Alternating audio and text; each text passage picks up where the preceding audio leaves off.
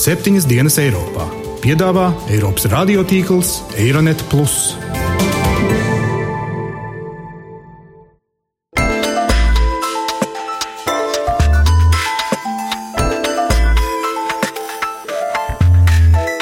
Šonadēļ septiņas dienas Eiropā dzirdēsim, whether Putin will go beyond Crimea gan par aliansi, gan par drošību. Apgalvot, ka mums ir gāze Inčkalnā, ir vairāk nekā muļķīgi.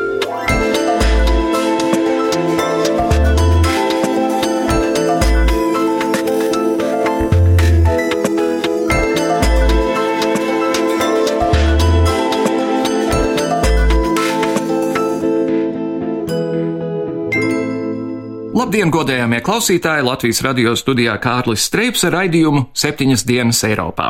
Šodien, kā parasti, savā raidījumā atskatīsimies uz notikumiem, par ko iepriekšējā nedēļā runāja pasaule, un pieskarsimies tām tēmām, kas visdrīzāk nonāks preses virsrakstos tuvākajā nedēļā.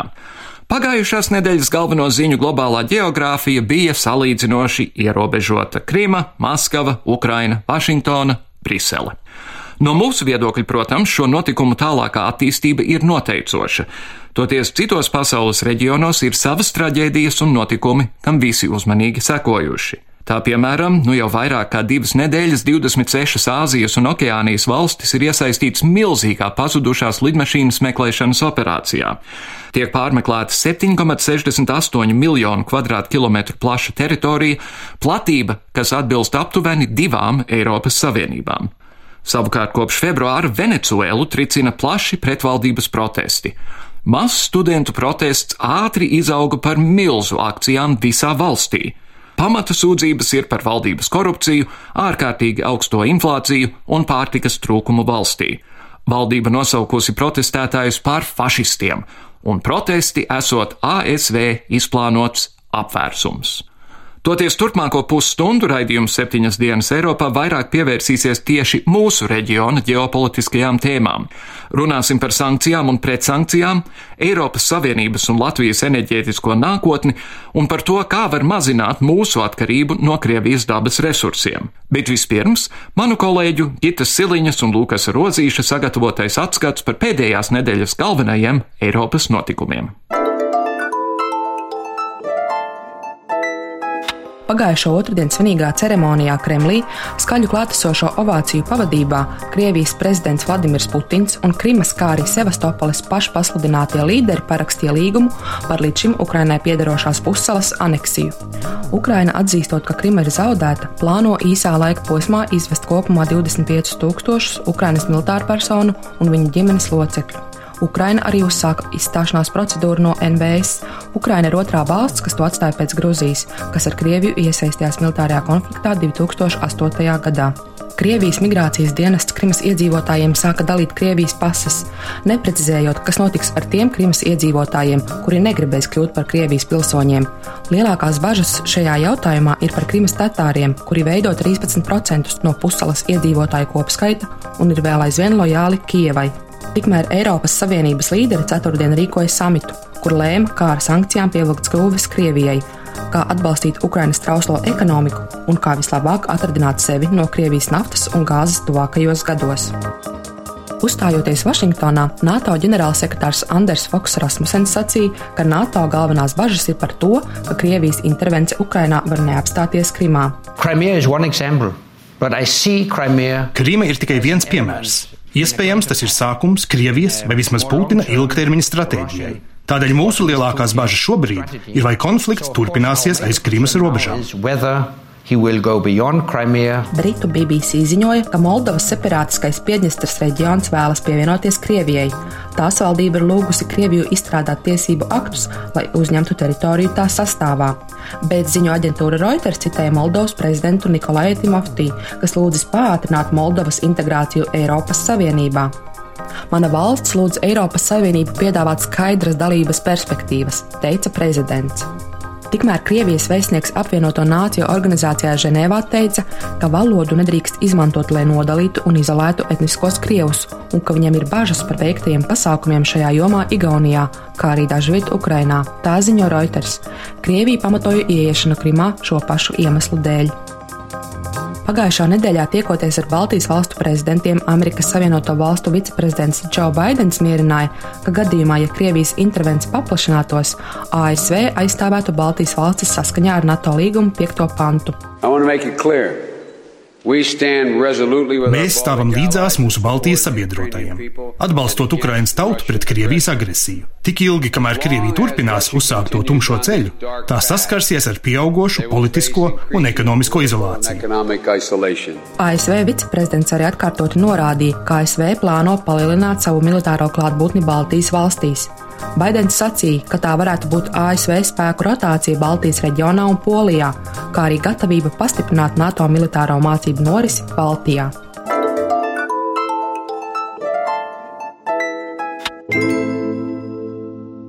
Esiet sveicināti augstajā karā divi!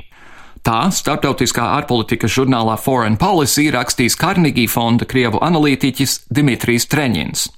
Treņins apgalvo, citēju, nesenie notikumi ir faktiski izbeiguši partnerības un sadarbības gaisotni, kas valdījusi starp rietumiem un Krieviju kopš augstā kara beigām.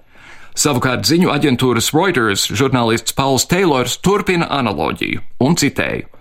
Gan toreiz, gan tagad Krievu draudi spēja vienot Eiropiešus un ASV stingrā nostājā, neskatoties uz izplatīto nevēlēšanos iesaistīties plašā konfliktā ar Krieviju.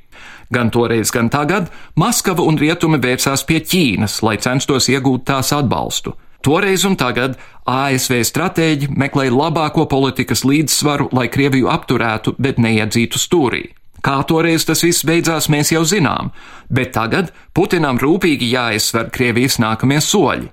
Francijai jādomā, vai apturēt līguma izpildu par militārās tehnikas piegādi Krievijai, Lielbritānijai jāizlemj, vai slēgt savas muižas un bankas Putinam pietuvinātajiem oligarhiem, un Vācijai jāuzsāk pasākumi, lai mazinātu savu atkarību no Krievijas gāzes.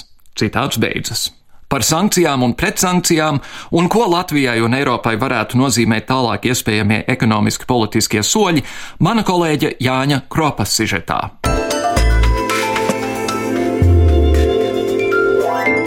Sankcijas pret Krieviju un iespējamās pretsankcijas. Skaidrs kļuvis ir tas, ka starptautiskajā politikā atkal varam spriest nedraudzības kategorijās, jo Krievijas prezidents Vladimirs Putins ir paņēmis to, ko vēlējies, turklāt turpina diktēt savus noteikumus Ukraiņas iekšpolitikā. Sarunā ar politologu un Latvijas Universitātes docentu Tomu Rostoku, kurš ir pētījis nevienu starptautiskās politikas notikumu, skaidrs kļūst tas, ka apjomīgas sankcijas pret lielām valstīm ir grūti ieviest. Vairāk stāsta Toms Rostoks. Patiešām pastāv uzskats, ka ieviest nopietnas sankcijas pret lielvarām tikpat kā nav iespējams. Bet es gribētu piebilst, ka nav iespējams ieviest visaptverošas sankcijas. Nu, ko tad mēs pēkšņi Krievijas gāzi un naftu vairs nepirksim? Tas jau tā uzreiz nenotiks. Tādas uh, trāpīgi mērķētas sankcijas, es domāju, ka var uh, radīt zināmas uh, pārdomas uh, pašā Krievijā. Bet tad tiešām tām ir jābūt ļoti labi izplānotām, lai trāpītu cilvēkiem, kas ir Putinam pietuvināti un kas viņu pēc tam varētu ietekmēt. Vladimirs Putins un vairāki sankciju sarakstā iekļautie cilvēki par sankciju iespējamību ir izturējušies bravurīgi, paziņojot, ka tāpat savu naudu ārzemēs neglabājot. Protams, tautas parunās zināms, ka bravūra ir baiļu maska, taču to tik vienkārši nevarēs zinātniski pamatot. Krievijas prezidents gan uzstāja, sankcijas nozīmē appusējus zaudējumus. Что касается санкций, о последствиях этих санкций должны прежде всего думать те, Kas attiecas uz sankcijām, tad par sankciju sekām pirmām kārtām būtu jāpadomā tiem, kas tās ievieš. Mūsdienu pasaulē mēs esam viens no otra ļoti lielā mērā atkarīgi, tāpēc sankcijas ietekmēs abas puses. Tātad arī zaudējumi būs apusēji. Bet par G8 sanāksmi, ja negrib, lai nebrauc. у себя принять наших коллег, если они не хотят приезжать, ну, не надо. Eiropas uzņēmumiem un valstīm pārmet mīnstināšanos sankciju pastiprināšanā, piemēram, Itālijas enerģētikas uzņēmuma Enī vadība ir norādījusi, ka gāzes piegādēm sankcijas nekaitēs. Acīm redzot, Enī vadība tic, ka Eiropa neuzdrošināsies tik sāpīgam solim kā savas enerģētiskās atkarības mazināšanai. Ir gan valstis, tostarp Baltijas, kurās ir vērojama pilnīga atkarība no Krievijas gāzes, bet lielākā un ietekmīgākā Eiropas valsts Vācija balsta 40% savas enerģētikas tieši uz piegādēm no Krievijas. Bijušais Vācijas kanclers Gerhards Šrēders, kurš ir iesaistīts darījumos ar Krievijas gāzi un pārstāv Gazprom intereses, laikrakstam Dīt Saita vispār nolēma problēmas sāsināšanā vainot pašu Eiropas Savienību. Tā teikt, nebūtu Eiropas Savienība uzstādījusi Ukrainai ultimātus, nevajadzētu arī izvēlēties, uz kuru pusi iet, uz rietumiem vai austrumiem. Tāpat Šrēders ir aicinājis nerādīt ar pirkstiem Krievijas virzienā, jo Vācija piedalījās Serbijas bombardēšanā 1999. gadā bez apvienoto nāciju organizācijas mandāta. Tas, ka Eiropā ir grūti panākt vienošanos, izriet arī no Eiropas parlamenta viceprezidenta Alejo Vidāla Kvadras sacītā. Citēju: Eiropai ir vajadzīgas labas diplomātiskās attiecības un tirznieciskie instrumenti, lai efektīvi varētu risināt šo problēmu. Tā ir taisnība, ka Krievija var lietot energopiegādes kā politisku ieroci, taču tāpat ir taisnība arī tas, ka viņiem ir vajadzīgs Eiropas Savienības tirgus.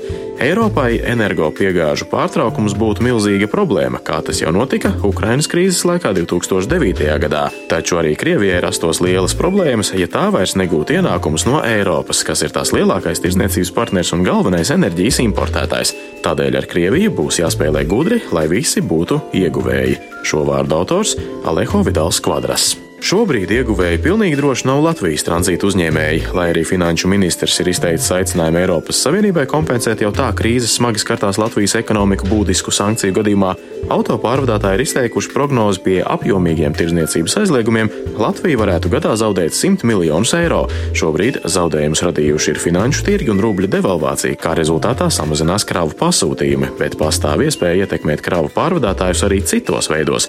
Kādos to stāsta asociācijas Latvijas auto autoprezidents Valdis Trēziņš. Jā, nu ir jau tā pārvadājumu biznesā daudz lietas, ko var, kā saka, sāsināt, jā, teiksim, atļaujas mums tā saucamās, kas mums katru gadu bija iepriekšējos gadus, vienmēr trūka pārvadājumu atļauju uz Krieviju, jā. Viens moments, otrs šīs formalitātes uz robežu, fuitas formalitātes. Tās var pastiprināt līdz to, ko rādīja arī savā laikā lietuviešiem, ka bija, kas saka, piena produkti bija jāizkrauj, te viņi pārbauda, tad atkal tur iekrauj, viss šīs lietas sarežģīs, sadārdinās šo procesu, kad mēs būsim neizdevīgi Latvijas, teiksim, pārvadātāji. Vai arī kaut kāds īpašs kontrols uz ceļiem, tad svaru kontrole, dokumentu kontrole, atļauju kontrole, jā, kas rezultātā var ietekmēt tīri finansiāli mūsu. Pagaidām gan nav saņemtas ziņas, ka Latvijas numurzīmēm esošās kravas automašīnas Krievijā pārbaudītu intensīvāk, taču Valdis Treziņš arī atzīst, ka šādi precedenti vēsturē ir bijuši, tāpēc izslēgt nevar, ka tie arī varētu atkārtoties.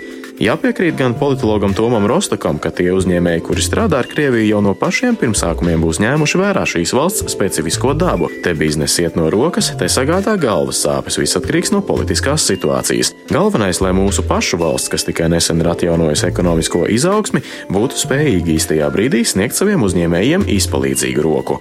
Vai Latvija vēl joprojām ir viena no straujāk augošajām ekonomikām Eiropā, lai varētu palīdzēt, to skaidro ekonomists Pēteris Strautiņš. Es teiktu, ka šobrīd eh, tā ir jā, viena no straujāk augošajām, bet uh, tiešām, ja gada sākumā šķiet, ka šogad izaugsme drīzāk būs drusku straujāk nekā pagājušajā gadā, tad uh, šobrīd, protams, ir jāpieļauj varbūtība, ka izaugsme būs lēnāka. Tas ir visnotaļ realistisks scenārijs. Zinām, ietekme jau ir jūtama. Ne tieši vēl šim pirms konfliktam, bet ir zināms, ka Krievijas rubļa vērtība krītas jau no gada sākuma. Un ir Latvijas uzņēmumi, kas to izjūt. Teiksim, tie, kas eksportē piena produktus, zivju produktus, viņi jau no gada sākuma sūdzās, ka neiet īsti labi, ka šīs valūtas vērtības izmaiņas samazina viņu rentabilitāti. Šobrīd daži uzņēmumi arī apsver iespēju samazināt ražošanas apjomu. Protams, šobrīd mums būtu ārkārtīgi grūti iztikt bez Krievijas dabasgāzes. Protams, ir risinājumi, var daudzos pielietojumos daļēji aizstāt uh, gāzi ar dīzeļdegvielu, kuru var atvest no jebkurienes, bet noteikti ir uh, jāparūpējas par alternatīvām. Jābūt vēl gāzes piegādes termināļiem Baltijā. Acīm redzot, mācība ir viena - jādomā, kā garantēt savu enerģētisko neatkarību un jāvienojas ar kaimiņiem vienotai politikai. Tikmēr nav nemaz jāgaida plašākas sankcijas, lai sajustu Krievijas negatīvo ietekmi Latvijā. Valūtas kursa svārstību dēļ cieši tie Latvijas uzņēmēji, kuri realizē savas preces Krievijā. Šodien uz izvērstāku sarunu par valdošo sankciju un pretsankciju draudu gaisotni un par Eiropas Savienības un Latvijas enerģētisko nākotni, ņemot vērā to, ka kontinents var samazināt atkarību no Krievijas dabas resursiem, esam aicinājuši studijā enerģētikas ekspertu Juri Ozoliņu. Labdien! Labdien! Īsi un konkrēti, ja pasaule ieviesīs tādas ekonomiskas sankcijas pret Krieviju, ka Krievija pārtrauks vai samazinās energoresursu piegādi uz Eiropu, kāds būs efekts? Ja kurš samazinājums ir sāpīgs, tirzniecības saites nevienam nepatīk pārtraukt un kaut kādā veidā nodarīt skādi, nu, tas maksās naudu. Pavisam vienkārši. Mēs nevaram tagad spriest par apjomiem, mēs nevaram arī neko šodien spriest par pārējās pasaules ekonomiskām sankcijām pret Krieviju un arī par Krievijas, teiksim, atriebības soli. Jo pagaidām tas ir vēl... eventuāli, protams. Ar Jā. ko jārēķinās? Ļoti, ļoti, ļoti nopietni jārēķinās.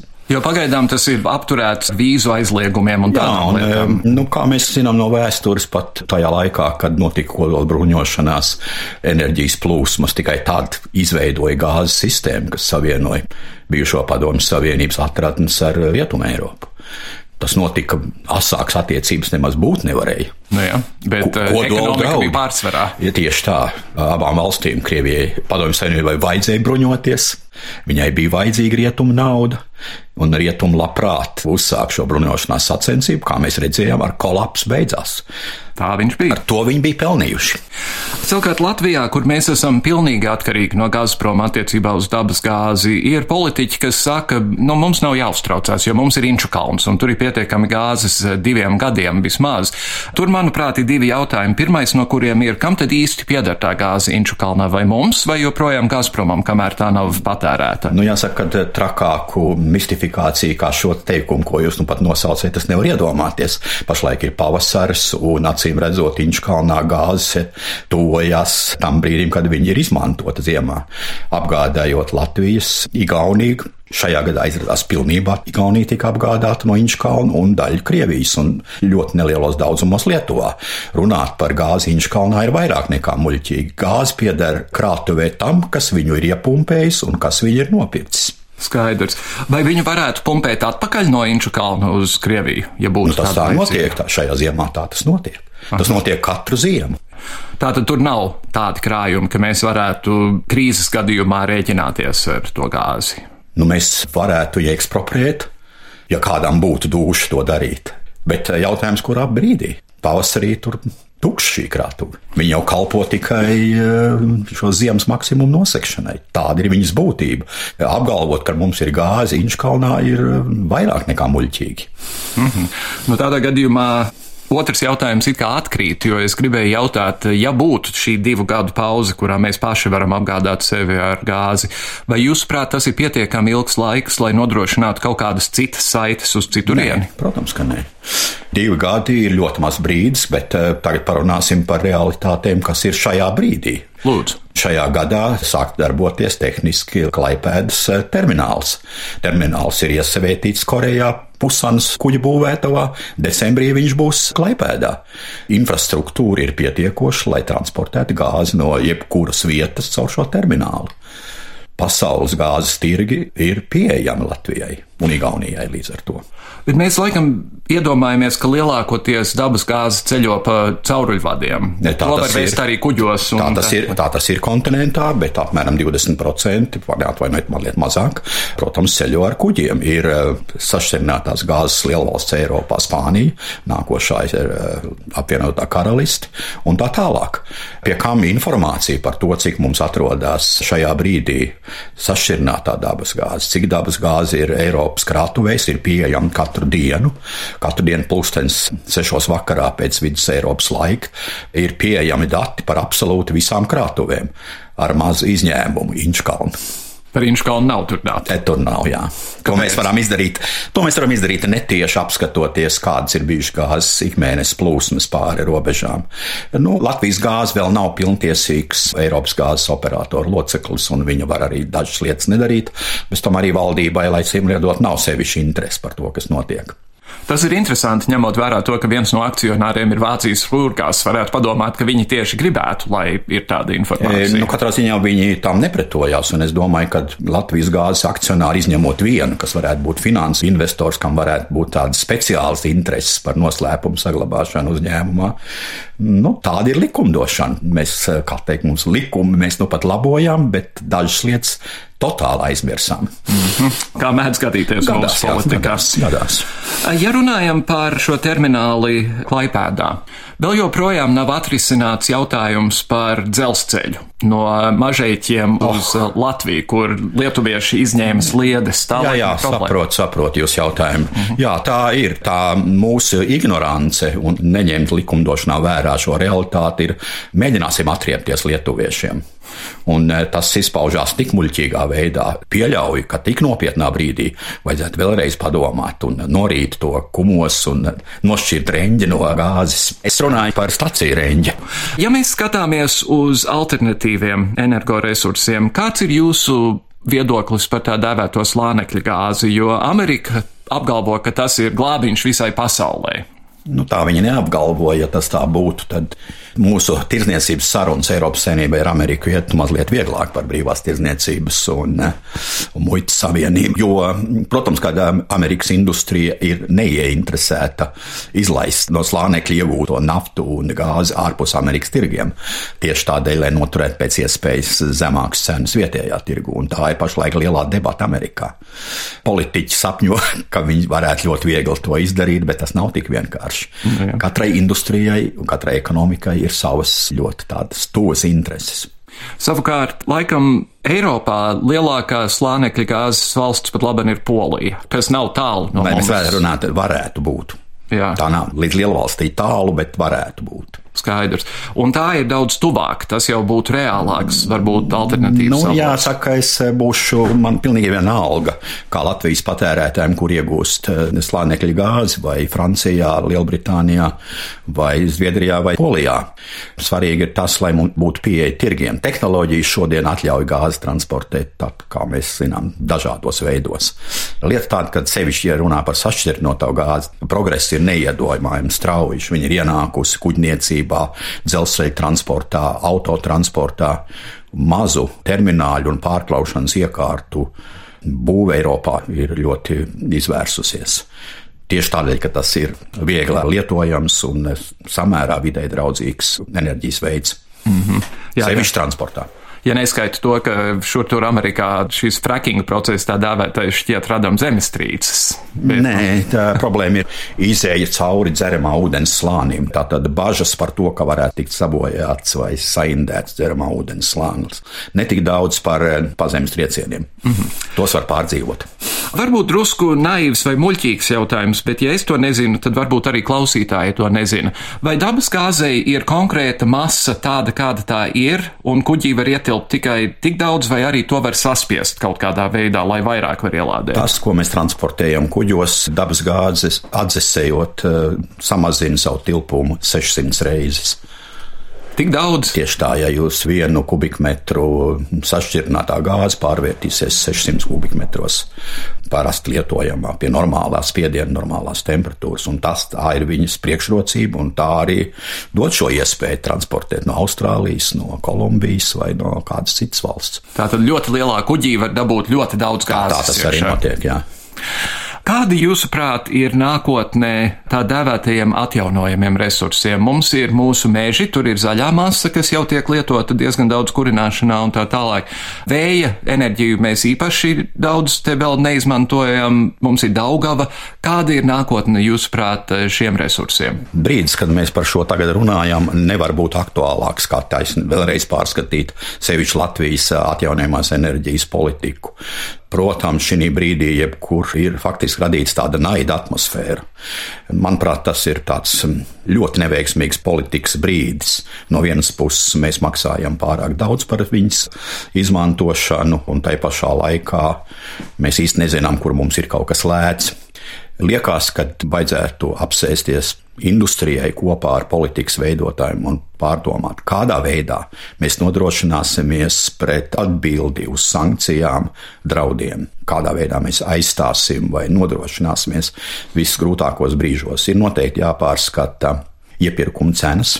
Par to ir jānovienojās, jāizbeidz tādas muļķības kā subsidētās enerģijas nodoklis, bet jābūt ir tā tad nacionālai vienošanās par to, ka šis ir resurs, kas ir mūsu nākotne, un viņi ir jāpaņem pēc iespējas vairāk. Saule, vējš, biomasa, hidroaktiski resursi ir izsmelti, to labs puses var aizvērt, Uz Daugavas nav vietas vēl vienam hesam, varētu sakot. Nu, teorētiski varētu būt, bet tas laikam nu, nevaram pārvērst par lielu dīķi, ja mums nav kaut kādas kuģniecības megaplāni. Otrkārt, nu nav vajadzība. Pats galvenais nav vajadzība to darīt. Savulaik bija vesela partija, kas taisījās. Jā, jā, kādēļ? Nu, kādēļ nē, nu, ļoti labi. Nu, galvas vajag lauzīt, smadzeņu kustināšana nāk par labu.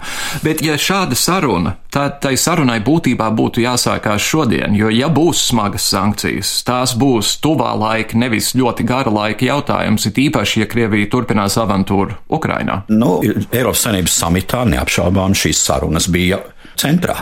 Ukraina bija tikai iniciators sarunai par enerģiju un klimatu vajadzētu izstudēt eh, sarunu tekstu tēmas un eh, pajautāt saviem politiķiem, kas viņos piedalījās, vai viņi saprata, par ko gāja runa. Bet es pieņemu, ka, teiksim, Latvijas energo un Latvijas gāze nebūs īpaši priecīga, ja valsts pievērsīsies tiešām ar pilnu krūti atjaunojumiem energoresursiem. Tas viņiem nozīmētu mazāku patēriņu un mazāku peļņu. Es to neteiktu par Latviju energo. Man atklāti sakot, tikai kāda izbrīna, kādēļ Latvija energo nav līdz šim šajā biznesā. Par uh, Latvijas gāzei tā ir konkurence. Protams, par konkurenci neviens nav, sevišķi monopolista nav sajūsmā. Viņi nebūs sajūsmā par Klaipēdas terminālu, par terminālu Paldiskos vai Inko Somijā. Nu jā, konkurence un konkurence. Un pēdīgi, vai jūsuprāt, sarunas par kodolspēkstaciju kaut kur mūsu platuma grādos Vai tās ir nopietni ņemamas, jo it kā nevar kaut ko sadalīt Latviju un Lietuva, nezinu, kas īsti to finansēs, cik tas ir reāli? Nu, jūs noslēdzāt savu jautājumu ar, kas to varētu finansēt. Tas ir ļoti, ļoti dārgs prieks.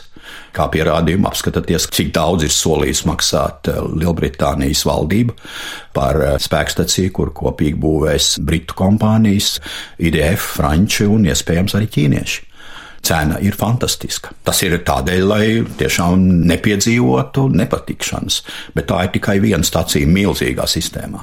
Jā, bet eh, ja būtu jaudīga kodolspēkstacija kaut vai Lietuvā, tas taču ļoti lielā mērā palīdzētu risināt energoresursu piegādes jautājumus. Drošība, gāze, drošība, gāze jā, drošība jā, bet ne cenu. Tas maksātu dārgi. Tāpēc, ka tā summa, ko izdod par pašu. Nu, jā, nu pat eh, tehnoloģija maksā dārgi un ārkārtīgi dārgi maksā drošība, kas viņai ir jāiegulda. Tā ir tā realitāte, ko Fukushima iemācīja. Ja ir nepieciešamība, tad uz to ir jāiet. Bet tā jautājums par nepieciešamību, ja nav alternatīvas. Kā vienmēr viss izšķir, ir vai nav alternatīvas. Un Fukushimas galvenā mācība, manuprāt, bija, nu, nevajag būvēt šādas spēkstacijas tur, kur ir smagas zemestrīces. Nē, mācība bija par to, ka kodola industrijai ir jāstrādā daudz atklātāk un nevar glabāt tik daudz noslēpumus, kā viņi bija pieraduši līdz šim.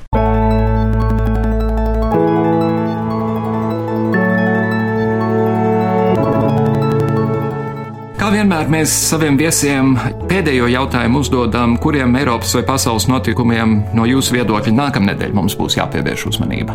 Domāju, ka Ukraina paliks joprojām jo tā ir patiešām globāla krīze.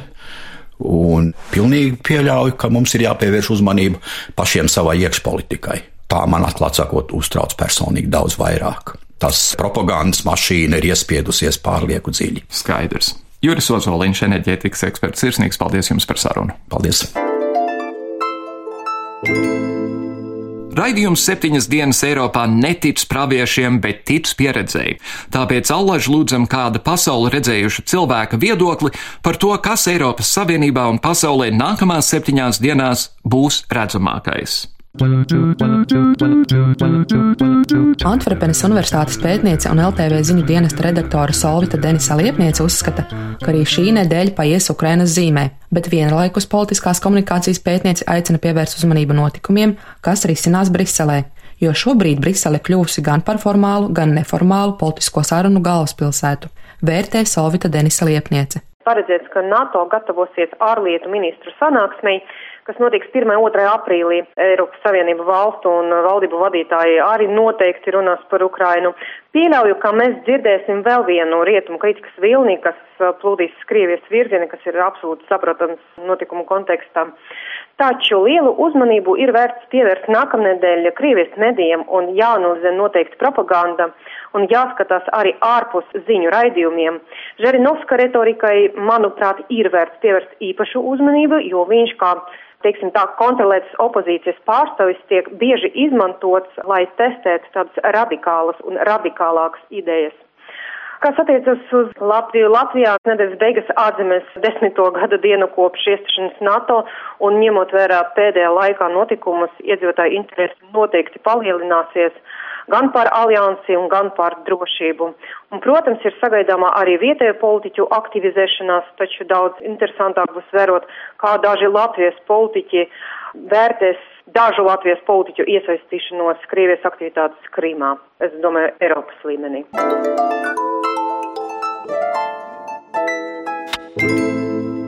Ar to arī, dāmas un kungi, izskan šīs nedēļas septiņas dienas Eiropā. Domāju, mums visiem ir jāņem vērā tas, ko teica enerģētikas eksperts Juris Ozoliņš. Tikai ļoti gudri pieejot jautājumam par energoresursiem un to drošību, varam nodrošināt savus energoresursus tālākajā nākotnē. Mans vārds ir Kārlis Streips, līdz nākamajai nedēļai visu labu!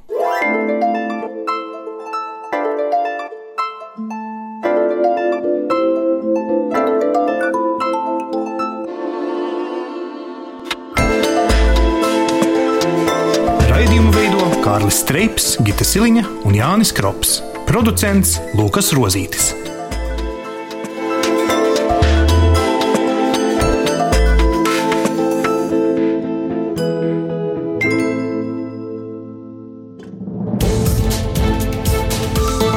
Visus Eironet plus sižetus un raidījumus meklējiet Latvijas radio mājaslapā.